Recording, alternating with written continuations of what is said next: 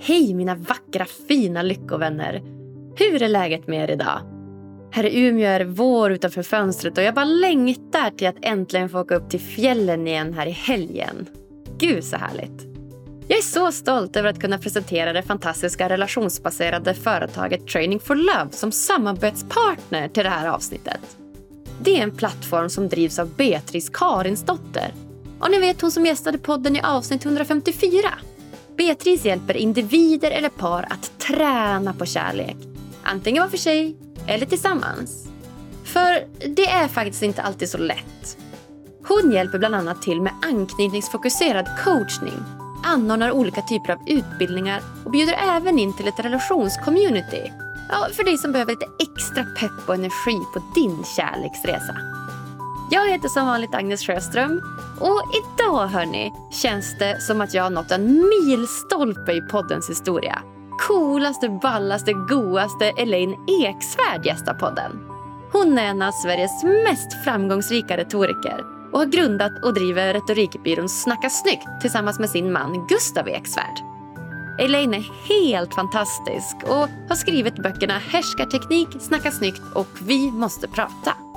Idag får ni lära er hur viktig sund kommunikation är för välmåendet och vilka som är Elaines bästa retoriktips. Hon delar också med sig om sin morgonrutin, hur du hanterar härskartekniker, hur du får din pojk eller flickvän att städa mer hemma och hur retoriken kan hjälpa dig att bli mer omtyckt av andra. Ja, ni hör ju. Alla skulle behöva en liten Elaine i örat på dagarna. Wow, vilket bra avsnitt! Varsågoda! Då säger jag hjärtligt, hjärtligt välkommen till Lyckopodden. En av mina favoriter måste jag säga, Elaine Eksvärd. Men tack snälla! Gud vad jättekul att vara här. Ja, men wow, vilken milstolpe det är att få ha dig med. Jag har ju följt dig under så många år. Har du det? Nej men gud, tack. Vad roligt, vad glad jag blir.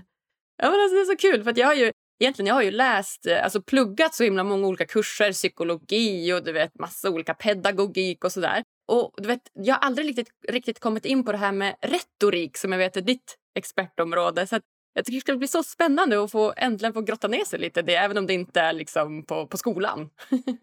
Gud vad roligt att höra. Nej, men jag, jag är ju en riktig nörd i, i retorik så att det, det ska bli kul att kunna ja, men bara ge alla tips jag kan. Ja men kul. Ja, men tack snälla för att du vill delta. Såklart. Du, det här med, med lycka då. Vad, vad har du själv för relation till lycka och välmående? Nej men, jag har haft som nyårsmål, jag kör ju nyårsmål istället för nyårslöften, så jag har haft nästan varje år att jag ska nej men, ha tacksamhetsbok och jag ska meditera och så vidare. Och det har inte gått något bra förrän för två veckor sedan, så det är sån lycka att du hör av dig nu. Det är sån bra timing. För eh, jag har gått med i något som heter Clubhouse, en ny eh, liksom, social media-app. Och där varje morgon så finns det en sån här tacksamhetsmorgon då man ska berätta tre saker man är tacksam för varje morgon. Så det gör jag för att komma in liksom i, i rätt inställning till dagen, för då tror jag att liksom hjärnan letar efter fler härliga saker att vara tacksam för, så man kan säga det imorgon också. Och sen så varje morgon så mediterar jag tio minuter. Och mina barn tycker det är kul, mina småttingar, så att de vill vara med när jag mediterar. ja. Så eh, då tio minuter sitter vi och andas. Det är jättehärligt. Och det tycker jag, alltså lycka för mig är väldigt mycket en inställning.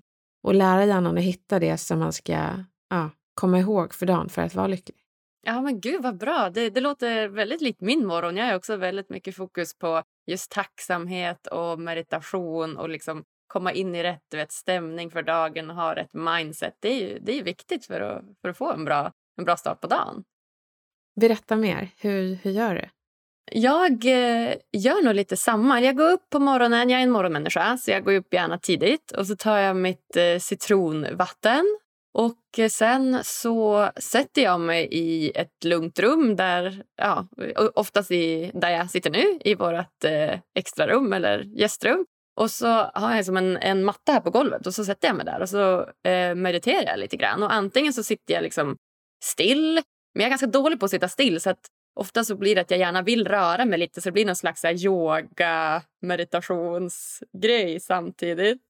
Och sen när jag har gjort det och känner mig liksom avslappnad då brukar jag också ja, men, ha en liten lista där jag också så här, funderar på saker jag är tacksam över. Jag funderar på vilka liksom, goda gärningar som folk har gjort mot mig. Vad jag kan tacka livet för och ja, men, lite sådana bara positiva affirmationer egentligen. Gud vad härligt. Men du, citronvatten, varför det? Nu blir jag nyfiken. Ja, alltså citronvatten det har jag ju fått från egentligen två olika poddgäster. Och den första som nämner det är hon som heter Johanna Hector som är guru av yoga. Alltså hon är verkligen jätteduktig, har gått så många utbildningar och har Soul Work Club i Göteborg och är så här, riktigt duktig på det. Och hon, hon menar på att det liksom rensar egentligen ut kroppen. Alltså det, det är liksom en liten ja, detox. Så varje morgon så, liksom bara, så rensar man ut kroppen med, med citronvatten då, innan man liksom börjar äta eller dricka kaffe eller sådär. Jaha. Hur mycket citronvatten dricker man då? Alltså, jag dricker kanske ett eh, sånt här glas. Vad är det? Ja, vatten, vanligt vattenglas liksom. Det låter ju toppen. ja, jag kastar mig alltid på kaffet. Ja, jag vet. Jag kan också vara bra, vara bra på att göra det. Men nu har jag fått eh, vänta kanske någon timme innan jag gör det i vart fall. ja, men vad bra. Men du, är det viktigt att eh, kunna kommunicera bra för att bli lycklig tror du? Ja, men det tror jag. För att jag menar, kommunikation är ju länken mellan oss och andra. Och eh, för att ja, alltså vi människor är ju flockdjur. Och för att kunna få en, en liksom relation så är det viktigt att vi kan förmedla det vi känner, det vi tänker, det vi skulle vilja. Och jag tror att de flesta vill väl, men att det blir alltså, missuppfattningar på vägen dit. Så att äh, kommunikation är jätteviktigt. Ja, men verkligen. Förutom att du är då liksom en av de coolaste brudarna som jag vet så är du ju faktiskt också en av Sveriges främsta retoriker. Och du driver då retorikbyrån Snacka snyggt. Och det jag tänker att vi ska prata om idag är just hur du blir den bästa retoriska versionen av dig själv. Ja, men vad roligt. Ja, det låter toppen. Vilka skulle du säga är de vanligaste liksom, retoriska utmaningarna som, som folk behöver hjälp med idag? Alltså, retorik är ju konsten att övertyga och jag tror i ens vardagskommunikation så kan det vara att man vill att någon ska göra någonting men man börjar klaga istället.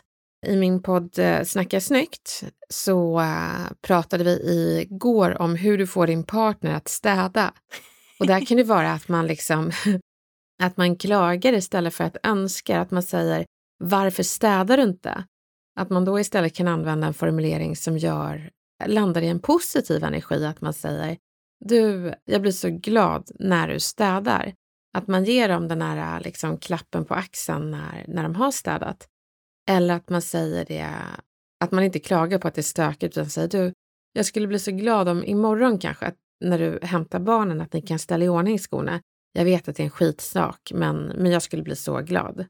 Så då siktar man på vad som gör dig glad istället för att prata om att din partner är dålig det, det är en väldigt stor utmaning att önska istället för att klaga och inte önska passivt aggressivt utan vara lite mer så här äh, genuin och tänka på hur härligt det kommer vara imorgon när det faktiskt är städat. Mm. Ja, det var ju jättebra tips. Jag, jag har ju precis äh, flyttat ihop med min pojkvän här så vi har bott tillsammans i en månad det? nu. Ja. Hur går det då? Ja, men det går jättebra. Det är jättemysigt. Och, ja, men vi har inte så många liksom, diskussioner eller såna ska man säga, klagomål eller liksom tjafs än. ska man säga. Nej. Utan vi, ja, men det känns som att vi har ganska så här, ja, men gör 50-50 av allt. Liksom. Det är alltid så att kanske jag gör mer av något och han gör mer av något annat och så. Men eh, jag vet att det, lätt, det kan ju lätt bli att så här, Åh, du har inte gjort det här. Så att, ja, det var ju ett jättebra tips. Nej, men det, det gör ju så enormt mycket. Och uh, men det var roligt. Hur länge har ni bott ihop nu då? nu är det ju det är 30 mars idag då när vi spelar in det här och vi flyttar in första mars. Så det är bara en Wow! Ja. Första 30 dagarna och det gick bra? Ja, första 30. Och var, bo, var bor ni någonstans? Vi var ju uppe i Umeå på Haga. Ah, nej, vänta det är ju jättefint där. Ja, det är mysigt där. Det är jättemysigt där. Men, men då är det hus då eller?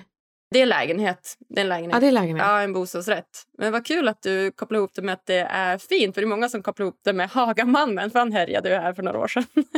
En Oj, nej. Nej.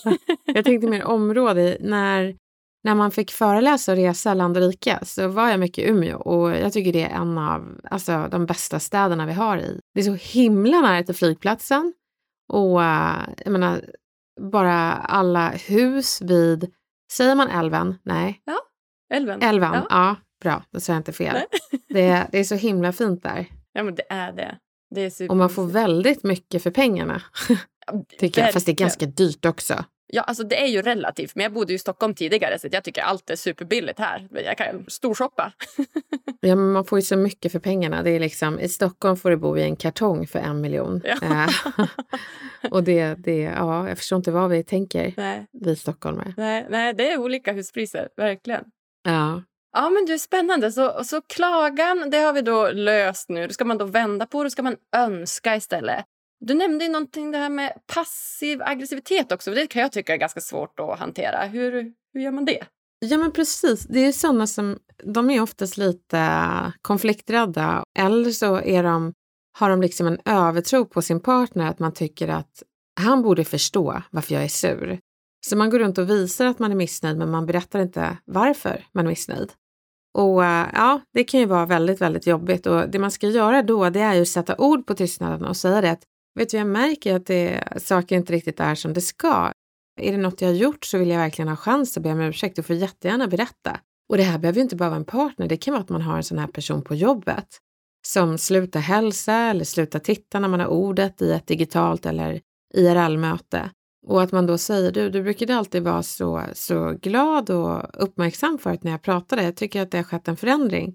Först vill jag bara fråga, hur mår du? Om, om jag har gjort någonting får du gärna berätta det, så jag får chans att be om ursäkt. För då lockar man dem ur sitt tysta skal genom att liksom säga att du vill lyssna. Det är, det är jätteviktigt. Och silent treatment är ju hemskt, det är en form av mobbing. Det får man ju inte syssla med. Nej, nej, nej men verkligen inte. Det är faktiskt. Och det kan jag känna igen med det också. Att när man så här, ja, men du vet, man går nästan runt och du vet, det blir någon slags dålig stämning i luften. Du vet, man kan som inte riktigt ta på det, men det är som att det bara blir Nej. så här tryckt. Ja, eller hur? Och man undrar vad, vad har jag gjort nu? Så att eh, där vore det ju fantastiskt fint om man bara kunde fråga.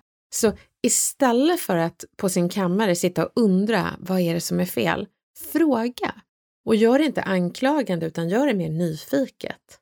Ja, men verkligen. Nyfiket istället för anklagande. Så himla bra. Och Ja, man märker att det är någon slags så här positiv röd tråd genom det här. Att istället för att så klaga så ska du liksom önska och istället för att vara passivt Ja. aggressiv så var du nyfiken. Så det är ju... exakt. Och grejen är den att så här, jag har gjort jättemånga misstag. Jag, jag hade en kollega för många år sedan när jag jobbade på en PR-byrå som slutade hälsa. Och eh, jag var så himla insnöad i härskartekniker så sa jag det, det du gör nu, det kallas för tystnadsmetoden och det gör man inte. Du har inte hälsat på mig i en vecka och det här är mobbing. Och hon tittade på mig och sa, jag hade ingen aning om att jag inte hade hälsat på dig. Min moster dog förra veckan så jag är lite i min egen värld. Och ni vet, jag skämdes så mycket för att jag attackerade henne. Så attackera inte, bli inte ledsen, utan fråga ett, hur personen mår och två, om, om det kanske är någonting du har gjort som, som du kan få chans att be om ursäkt för. Så den ordningen är mycket bättre, men inte attack. Nej, nej, inte attack. Nej, men den är ju bra.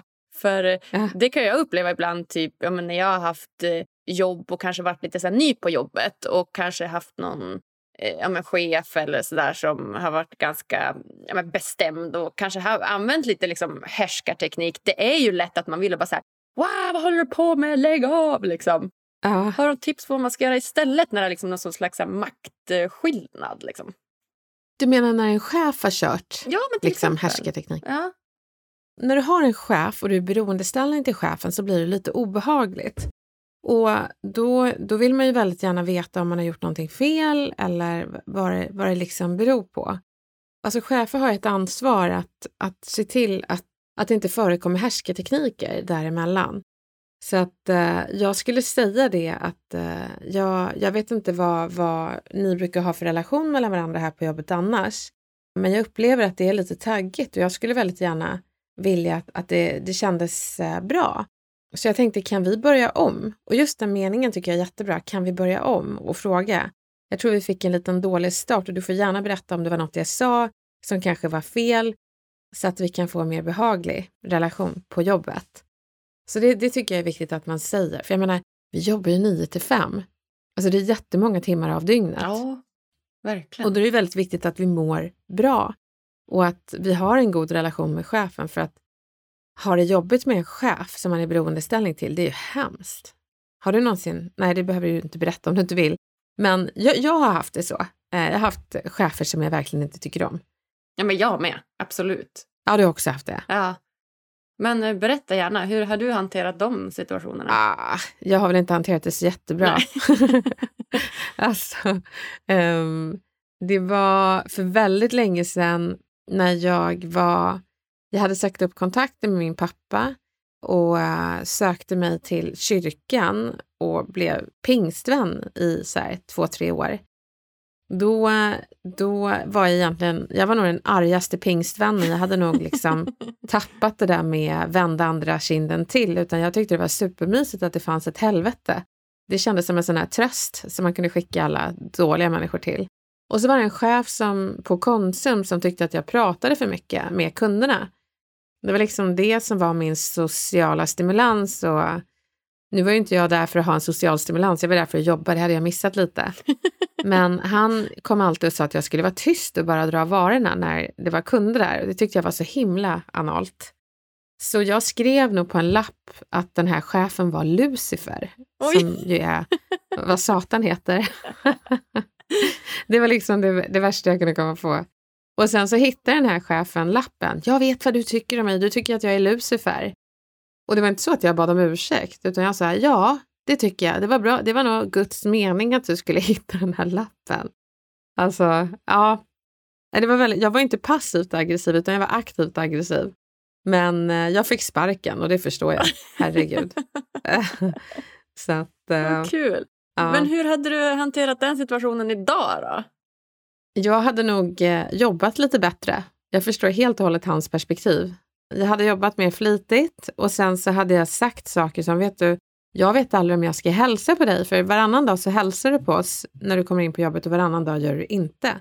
Och det tycker jag är, jag tycker är lite svårt. Hälsar vi eller hälsar vi inte? Bara så att jag vet. Ja. Så.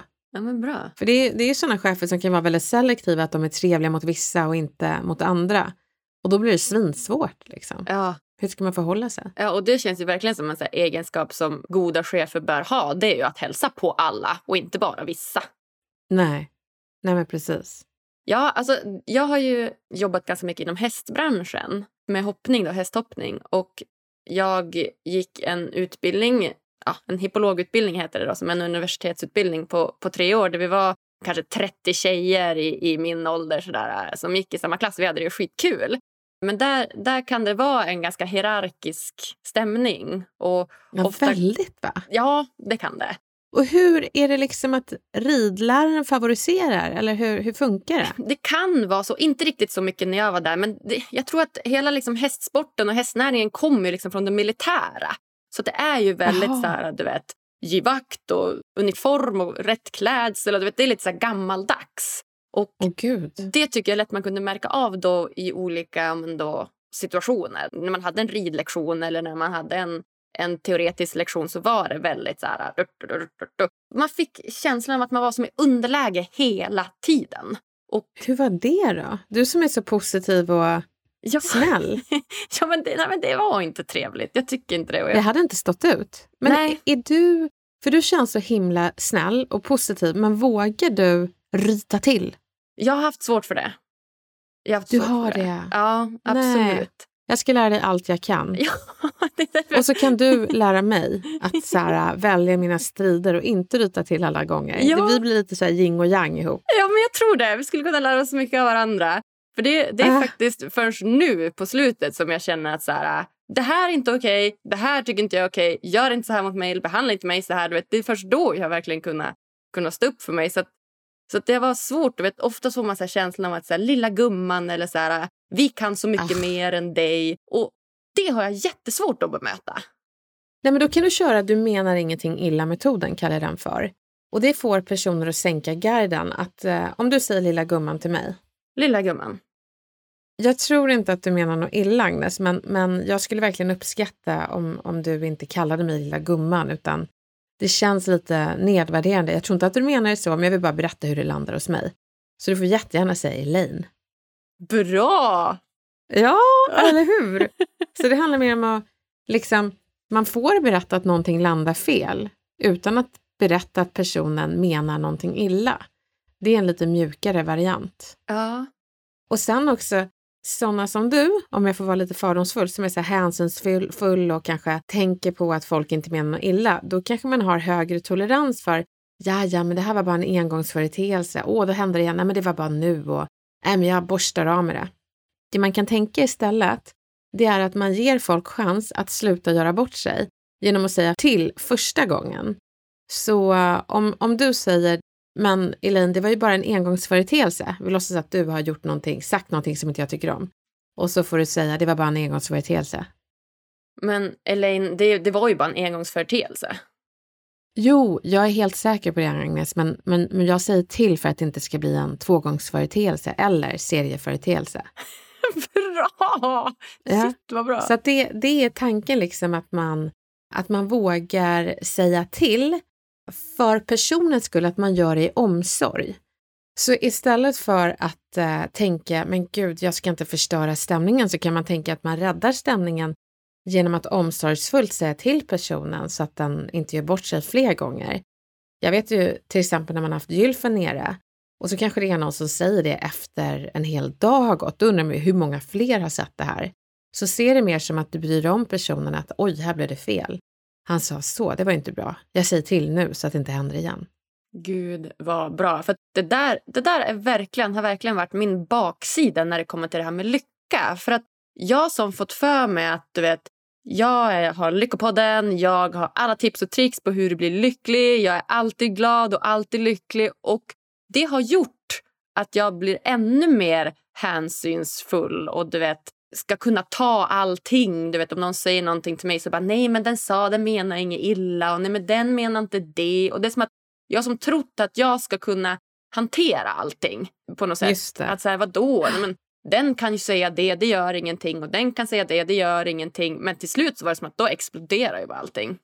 Ja, ja, ja, man bara samlar i ryggsäcken på massa så konfliktstenar. Och jag tycker inte man ska ha massa grus eller stenar som man bär på, för man blir en ganska, nu tror inte jag att du blir det, men man, man blir, blir ganska sur mot de här personerna. Att man kan utveckla en passiv aggressivitet och man tycker att nej men nu borde du förstå för du har gjort misstag så många gånger. Men de ser inte som misstag om vi inte har sagt till. Yeah. Så uh, då, då blir den här explosionen helt manisk. De, de kan ju undra, men gud vad, är, vad har hänt? Mm. Behöver du hjälp? Mm. Ja men exakt. Så. Verkligen. Nej, äh, gud så himla Mm. bra. Nej, jag, jag, ja, men jag har verkligen varit bättre på det på slutet. Att säga ifrån vad jag liksom uppskattar och vad jag inte uppskattar. Och då försöker jag verkligen att inte göra det på ett sätt där liksom känslorna tar över och man bara Rah! Utan att så här, vet du vad, jag uppskattar inte det här. Eller jag skulle hellre önska att du gjorde så här. Typ. Ja, verkligen. Mm. Och, och återigen, jag tror inte att du menar något illa. Om vi bara tror att folk har de bästa intentionerna så brukar retoriken lösa sig rätt bra. Mm. Och att man tänker lite innan man pratar, det har jag börjat göra nu när jag fyllt 39. jag är så här extrovert och kan liksom höra mig själv säga saker bara, men gud, det här tänkte jag inte igenom. Att man mejlar någonting när man är i affekt, att man kanske skriver ett utkast och det skickar man inte. Så gör man om det så här tre gånger till och sen skickar man när det är lite mer mindre argt och mer eh, sakligt. Mm. Mm. Ja, men jättebra. Gud så himla bra. Mm. Och eh, en annan sak som vi bidrar till just eh, lyckan som vi vet, det är ju goda, nära, fina relationer. Men det är ju inte alltid så lätt att, att skapa och det, det råder mycket ensamhet i, i Sverige och vi är ju experter på just döma, döma människor fort. Ja. Har du något tips på hur man gör för att bli liksom gillad och omtycks och komma med i den här flocken som vi alla längtar efter? Det här låter så hemskt. Det är tre typer av människor vi tycker om. Vi tycker om de som är som oss. Vi tycker om de som vi vill vara som. Och det tredje är, vi tycker om de som eh, eh, är intresserade av oss. Så Om vi visar att vi är lyhörda och intresserade av personen så brukar det mynna ut i att de tycker om oss. Så, så det gör ju enormt mycket och där kan det vara svårt för oss extroverta för att vi brukar alltid trycka på nummer ett, det vill säga jag är som du. Så när en extrovert säger ah, men jag, var, jag var ute med några kompisar i helgen, då kan man säga nej men det var jag med. Vi säger nästan alltid jag med för att vi vill så gärna att folk ska tycka om oss. Och det vill ju alla, men eh, då kör vi väldigt mycket jag med. Och det som händer då, det är att vi kan ta över och eh, liksom kidnappa konversationen och då missar vi det tredje, det vill säga vara intresserade av personen. Så att det, det är väldigt viktigt, visa intresse och har ni gemensamma nämnare, ja men då kan du säga ja med, men kanske inte 20 gånger på 10 minuter. Ja men bra, det där kan jag också verkligen relatera till att att ibland när man liksom, liksom är med någon diskussion, då är det, eller inte diskussion, det kan vara ett samtal, så kommer någon och bara ah, och jag sov bara tre timmar förra natten. Och bara, Åh, men jag då? Jag sov bara fyra timmar. Men jag sov bara två timmar. Vet? Och så blir det som att man bara, du vet, ska som tävla om vem som sov minst. typ. Ja, det bara håller på. Och det är, alltså, folk kan ju säga vad som helst. Alltså, jag, vet, jag hade ju nästan Tourettes i jag med. Liksom. Ja, men jag blev dumpad förra veckan. Jag med, fast för tre år sedan. Ja, jag har analklåda. Jag med. Nej, det har jag ju inte. Nu måste jag skärpa mig. ja. Så att, eh, nej men då, då tänker jag att man istället säger, om, om du till exempel skulle säga, jag var och träffade några kompisar i helgen, då behöver jag inte säga jag med, utan jag kan säga, jaha, men berätta mer, vad, vad gjorde ni? Vilka träffar ni? Hur länge ni känt varandra?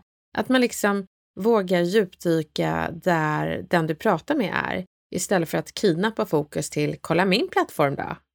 Så, mm. Den är viktig. Ja, men exakt. Fokusera lite mer på andra och inte så mycket på dig själv alla gånger, utan lyssna på dem.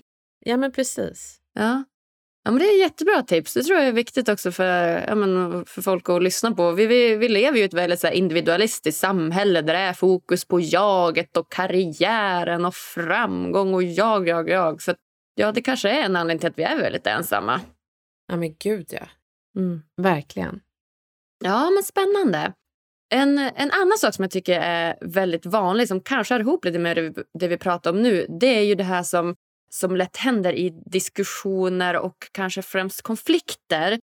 När det blir lite det här blame-gamet. Att så här, och du gjorde det så där och sen gjorde du det där gjorde du och så försvinner all typ av förståelse och all typ av liksom vänlighet. Har du något tips på hur man hanterar det? Ja, absolut. Alltså, jag brukar kalla det misstagsarkivet, alltså när man själv får feedback. Jag får feedback av min man och så säger jag, men du då, du gjorde det här. Och då tycker jag att man ska försöka stanna kvar, att istället för att hamna i the blame game eller liksom ta upp ett mentalt misstags, misstagsarkiv där man arkiverar misstag i flera år, att man låter dem vara och istället säger, men du, tack för feedback, jag ska verkligen tänka på det. Då kommer folk blir ganska snopna. Bara, Vadå, ska inte du tjafsa emot? För att ha kollegor och medarbetare, kompisar eller till och med en partner som hela tiden kör “men du då?” Det är väldigt dränerande. Så försök att vara den större människan och låta egot bli lite sårat. Du kan ju alltid fixa ditt ego, men det är svårare att fixa en relation. Så se det som att de vill få dig att växa. Sen kanske de inte är jättebra på att formulera sig, men det är ju inte en psykolog, det är din partner eller din kollega eller en kompis. Var glad att de pratar till dig istället för om dig. Det bör, bör man tänka på. Ja, men hundra procent. För det känns som att det blir konsekvensen. Om du inte kan kommunicera, då blir det så att folk istället pratar om dig istället för med dig. Ja, verkligen. Särskilt när det kommer på, till feedback. Då, då känner man, om, om du skulle säga Elaine, det du gjorde förra veckan gick inget bra. Elaine, det du gjorde förra veckan, det gick inget bra. Ja, fast du Agnes, nu känner jag bara så här att du, nu känns du väldigt trött och negativ här. Så att, uh, ja, jag tror vi får prata en annan dag, för det är väldigt dålig energi här. Jag vet inte om du mediterade i morse eller drack det där citronvattnet, det känns inte så. Gud vad hemskt jag känner mig. jag missade nog den. Jag skojar.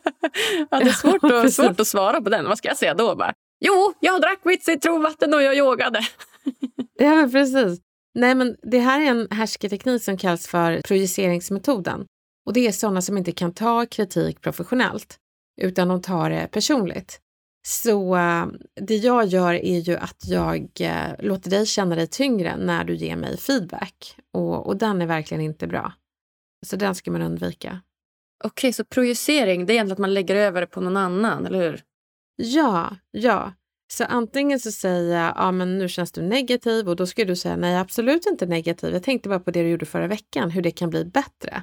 Eller om jag säger, ja men du då? Då ska du säga, vet du, vi kan prata om det jag gjorde sen. Men nu skulle jag vilja prata om det du gjorde förra veckan. Och sen det tredje, popularitetsargument, att jag säger, du Agnes, vi är väldigt många som tycker att du är ganska negativ på mötena. Och då vet man inte vilka är de här många och då ska du svara, vet du, du får väldigt många ta det med mig själva, men nu pratar ju du och jag om det som hände förra veckan. Ah, jättebra! Va? Ja. Det är så många bra tips. Gud, jag önskar att jag var med dig under den här liksom, ridperioden. Ja. Så jag, du skulle kunna haft ett headset och så hade jag kunnat viska vad du ska svara där. Ja, ja men hundra procent. Du kan få följa med mig idag också känner jag. Det är ju så bra grejer som du, som du kommer med. Men absolut, det hade varit jätteintressant att och, och ha med dig där under ridperioden. Och, och ja, hoppas att det är bättre idag. Ja, men det blir bättre och bättre i hästvärlden tycker jag. Det är bara att lång, utvecklingen gått så långsamt där när det kommer till den här hierarkiska nivån. Men nu, nu är det bättre, det tycker jag. Jag fattar. Ja, men spännande. Och när det kommer till feedback då tänker jag också på att det då kan vara viktigt att eh, ge den här positiva feedbacken till, till alla människor. För det känns ju också som något som kan missas. Och, och det kanske man lätt säger till någon annan. Så, Åh, vet du, hon är så bra. Men att man inte riktigt säger det kanske till personen i, i sig. Det är så bra att du säger det. Jag, eh, jag håller väldigt mycket kurser i eh, digitalt och kommunikativt ledarskap. Och där är många chefer som frågar liksom, hur ger man feedback, hur hjälper jag mina kollegor att växa och så vidare. Och då har vi som punkt en samtalsutmaning, det är beröm. Att ge sina kollegor beröm och under kursens gång så får de skicka ett uppmuntrande sms till en kollega. Och då kan det vara, då är det några chefer som bara, men gud, de kommer ju tro att jag har tagit droger. Och det är så här, men gud, om de tror det, då är det verkligen på tiden att du börjar ge beröm. Det ska inte krävas substanser för att man ger beröm. Och då skrattar de lite och skickar det och blir så här positivt överraskade över svaret. Att de blir så här, tack! Det betyder så mycket att du säger det. Ja, ja alltså det kan jag verkligen, verkligen, verkligen tänka mig. För jag håller på med en, min masteruppsats nu i organisationspsykologi. Just nu så håller jag på att undersöka vilka faktorer som får chefer att vilja stanna eller sluta på, på arbetet. Och oh. En av de variablerna som jag kollar på är just så feedback och positiv beröm. Och det verkar som att det och liksom social, sociala interaktioner verkar ligga väldigt högt på listan för att få personal överlag och chefer att stanna om man just har så positiv feedback och goda sociala relationer. Ja men gud vad bra. Ja, för feedback, chefer får ju nästan aldrig positiv feedback. Det får man bara se att personalen stannar kvar och jobbar kvar där. Det, det brukar vara ett gott betyg. Ja, ja men exakt. Och jag kan tänka mig att det är ganska svårt också att vara någon slags eh, liksom mellanchef där du kanske dels har anställda att ansvara för men också kanske någon chef ovanför dig där du också ska liksom uppfylla dens förväntningar och få någon slags här, positiv feedback därifrån. Att dels måste du få från medarbetarna och dels från chefen för att liksom veta att du gör ett bra jobb. Och där kan jag tänka mig att det ganska mycket att, ja. att hålla reda på. Gud, ja, spelar jättestor roll. Ja, men verkligen. Ja. Ja, så spännande, Elaine. Har du några så här slutliga ja. så här lyckotips när det kommer till retorik som du vill dela med dig av? Ja, men alltså jag tror att uh, ja, men dels så vet du redan det som har läst massor om lyckoforskning och diverse och, och du skriver en master i det till och med så, så tror jag att man hela tiden ska prata om vad man ska sträva mot istället för att alltså undvika inte. Det är därför jag inte har nyårslöften, för det blir så negativt om man bryter löftet. Då kan man inte börja igen. Men ett mål kan man alltid sikta mot och skjuta igen om det inte skulle funka. Så nyårsmål tycker jag är jättebra. Och sen att du inte säger jag ska inte äta godis utan jag ska börja dricka citronvatten och meditera och eh, äta härliga frukter varje dag. Så att det blir bilder du ser. Och sen är det väldigt bra att ha målen synliga. Jag har ju ramat in mina nyårsmål och ser dem varje dag. Och eh, i min bakgrundsbild på, på telefonen så har jag alltid någonting som jag vill sträva mot så att det ska komma närmare. Jag tror väldigt mycket på law of attraction och eh, eh så. Så att eh, jag hade mitt eh, attefallshus som bakgrundsbild på min telefon innan vi hade fått bygglov och nu har vi fått bygglov. Så då kan jag byta till nästa mål och det är att jag ska bli riktigt stark. Så då har jag en bild på när jag gör eh, en massa chins som jag kunde göra 2014. Och uh, bara så att jag vet att det är dit. Så, så, sen när man har prickat av det så byter man. Så det, det skulle jag nog säga mina handlingar gör i vardagen. Och sen så mindre skärmtid. Det lurar oss att tro att vi är lyckliga när vi får likes. Men, men att titta på ett träd när det svajar i vinden eller få en kram från en nära person eller bara ta ett samtal istället för att lajka den där barndomskompisens bild på Instagram. Det gör enormt stor skillnad. Så IRL och eh, riktiga samtal, det blir mina lyckotips. Ja, fint. Jättebra tips. Vad härligt. Vi han gå in på dem innan jag ens hann fråga om lyckotipsen. Jag blir så, jag blir glad ja. när, du vill, när du vill dela med dig. Och som du säger, jag tror det är superviktigt det här med, med skärmtid. Och någonstans är det som våra generationer, eller jag är 30 och du var 39. Och Det känns som att vår generation har ju ändå varit med om så här båda delarna. Vi har varit med om en tid där det inte var, fanns några skärmar och vi vet hur det är när det finns skärmar. Om man tänker på dina barn till exempel, de är ju uppvuxna med de här skärmarna det är nog skillnad. Ja, fast vi har inte gett dem några. Vad bra! Ja, nej, de blev helt tokiga. Alltså det var väl när Matteo var ett år som han hade iPad, eller hade. Han fick två år tror jag man fick leka med den. Men det är liksom, det är så konstigt, vi ger våra barn skärmar, de ber aldrig om det. De är lika glada med eh, ett knippe nycklar, en nyckelknippa eller en sked, alltså små bebisar. Så att, att vi ger deras liksom sköra hjärnor skärmar för tidigt tror jag är lite farligt. Mm. Så att nej, min son är nio år och han har ingen telefon. Däremot har han fått en så här klocka där man kan ringa ifrån. Jaha. Men det är ingen skärm på. Vad bra. Men är, är det ditt äldsta barn? Mm. Men har han börjat komma i någon slags ålder där det blir att hans vänner har skärmar och hans kompisar har datorer och så, så han har kommit till det stadiet än eller? Ja, det har mm. han. Men, men han får spela på måndagar, för han spelar Roblox. Så vi har skärmtid. Och sen när han träffar kompisar så får de ju också spela. Men, men uh, vi introducerar inte, det har inte blivit så att det är jobbigt. Men jag tror att när han närmar sig tonåren, då kommer det absolut bli så att han får telefon. Mm. Men då behöver vi liksom rusta honom för vad som finns ute på internet och vad han ska tänka på. Och inte hamna i like-träsket eller diverse ställen. Ja, men skönt att eh, ni inte har introducerat så mycket skärmar. Det, det ska jag också ta med mig då om jag någon gång Ja, men gör det. För mm. Om ni väljer att skaffa barn så kommer ni märka att barnet aldrig kommer säga mamma kan jag få en iPad eller kan jag få en telefon? Utan det är vi som går på det här sociala trycket och det är dumt. Och kanske liksom lättare också för kanske man ska gå och handla. Kanske det är bara enkelt för föräldern att stoppa ner en, en iPad i vagnen typ. Så att den ja, det kan lika gärna vara en lik, leksak. Och låt barn få utforska världen. Det gör jättemycket för deras eh, neurologiska utveckling. Det kan du fråga Katarina Gospic som är hjärnforskare. Skärmar är så endimensionella, men att man får känna, lukta, se på saker, det gör jättemycket. Ja, men verkligen. Gud vad härligt Elaine. Jag tänker att vi ska gå in på de sista frågorna här innan vi lämnar varandra för idag du och jag. Eh, vi har varit inne på första frågan lite grann. Men om du får välja en sak som gör dig riktigt lycklig, vad skulle det vara då? Ja, men det är när jag får sova ut. Nej, jag kan inte nämna en sak, men det gör mig lycklig när jag har sovit. Det, det skapar jättebra förutsättningar för resten av dagen. Vad kul. Ja, men nämn fler saker om du har fler saker. Jag blir oh, bra. Eh, då är det god mat, meditera. Jag som är trebarnsmamma har ju liksom min sociala dos i familjen, det är underbart.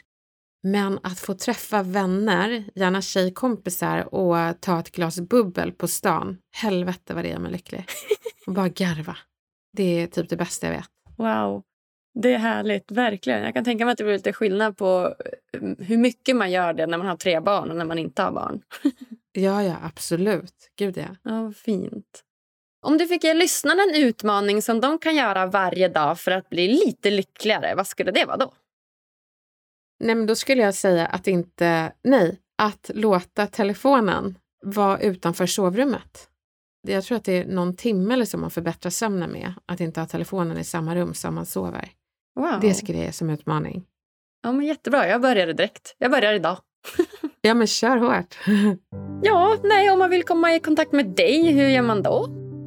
Nej, men jag finns bland annat på Instagram, Elaine Eksvard. Och sen kan man lyssna på, det finns ett helt bibliotek av retoriktips på Snacka snyggt-podden som släpps varje tisdag och torsdag året om. Och uh, allt ifrån hur du gör slut med en kompis till hur man raggar eller landar drömjobbet finns där och väntar på dig. Snacka snyggt-podden så blir det en fullfjädrad eh, retoriker inom kort. Ja, fantastiskt. Ja, jag måste börja lyssna ännu mer känner jag. Det var ju så, så mycket bra tips här. Nu ska jag börja ja. stå upp för mig själv och säga vad jag tycker men på ett fint sätt och med en god intention och så. Ja, det låter jättebra. ja, nej, är det något så slutligen som du känner att du vill dela med dig till lyssnarna av innan vi lämnar varandra? Ja, men då skulle jag nog säga att kommunikation är en muskel och väldigt få föds med sexpack. Så se till att träna. Går ett samtal fel så gör ingenting. Gör bara om och gör det tio gånger bättre till nästa gång. Oh, wow, de fantastiska orden får avsluta den här podden. Jag säger bara tack, tack, tack snälla Elaine för att du kom och gästade mig här på Lyckopodden. Tack Agnes för att jag fick vara med. Oh, wow, hörni. Jag hade kunnat prata med Elaine i flera timmar till.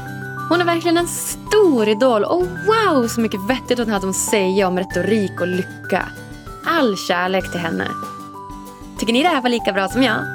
Prenumerera gärna på Lyckopodden, följ oss på sociala medier och ge oss fem stjärnor på iTunes. Tack snälla gulle du för att just du lyssnar. Vi hörs på tisdag igen.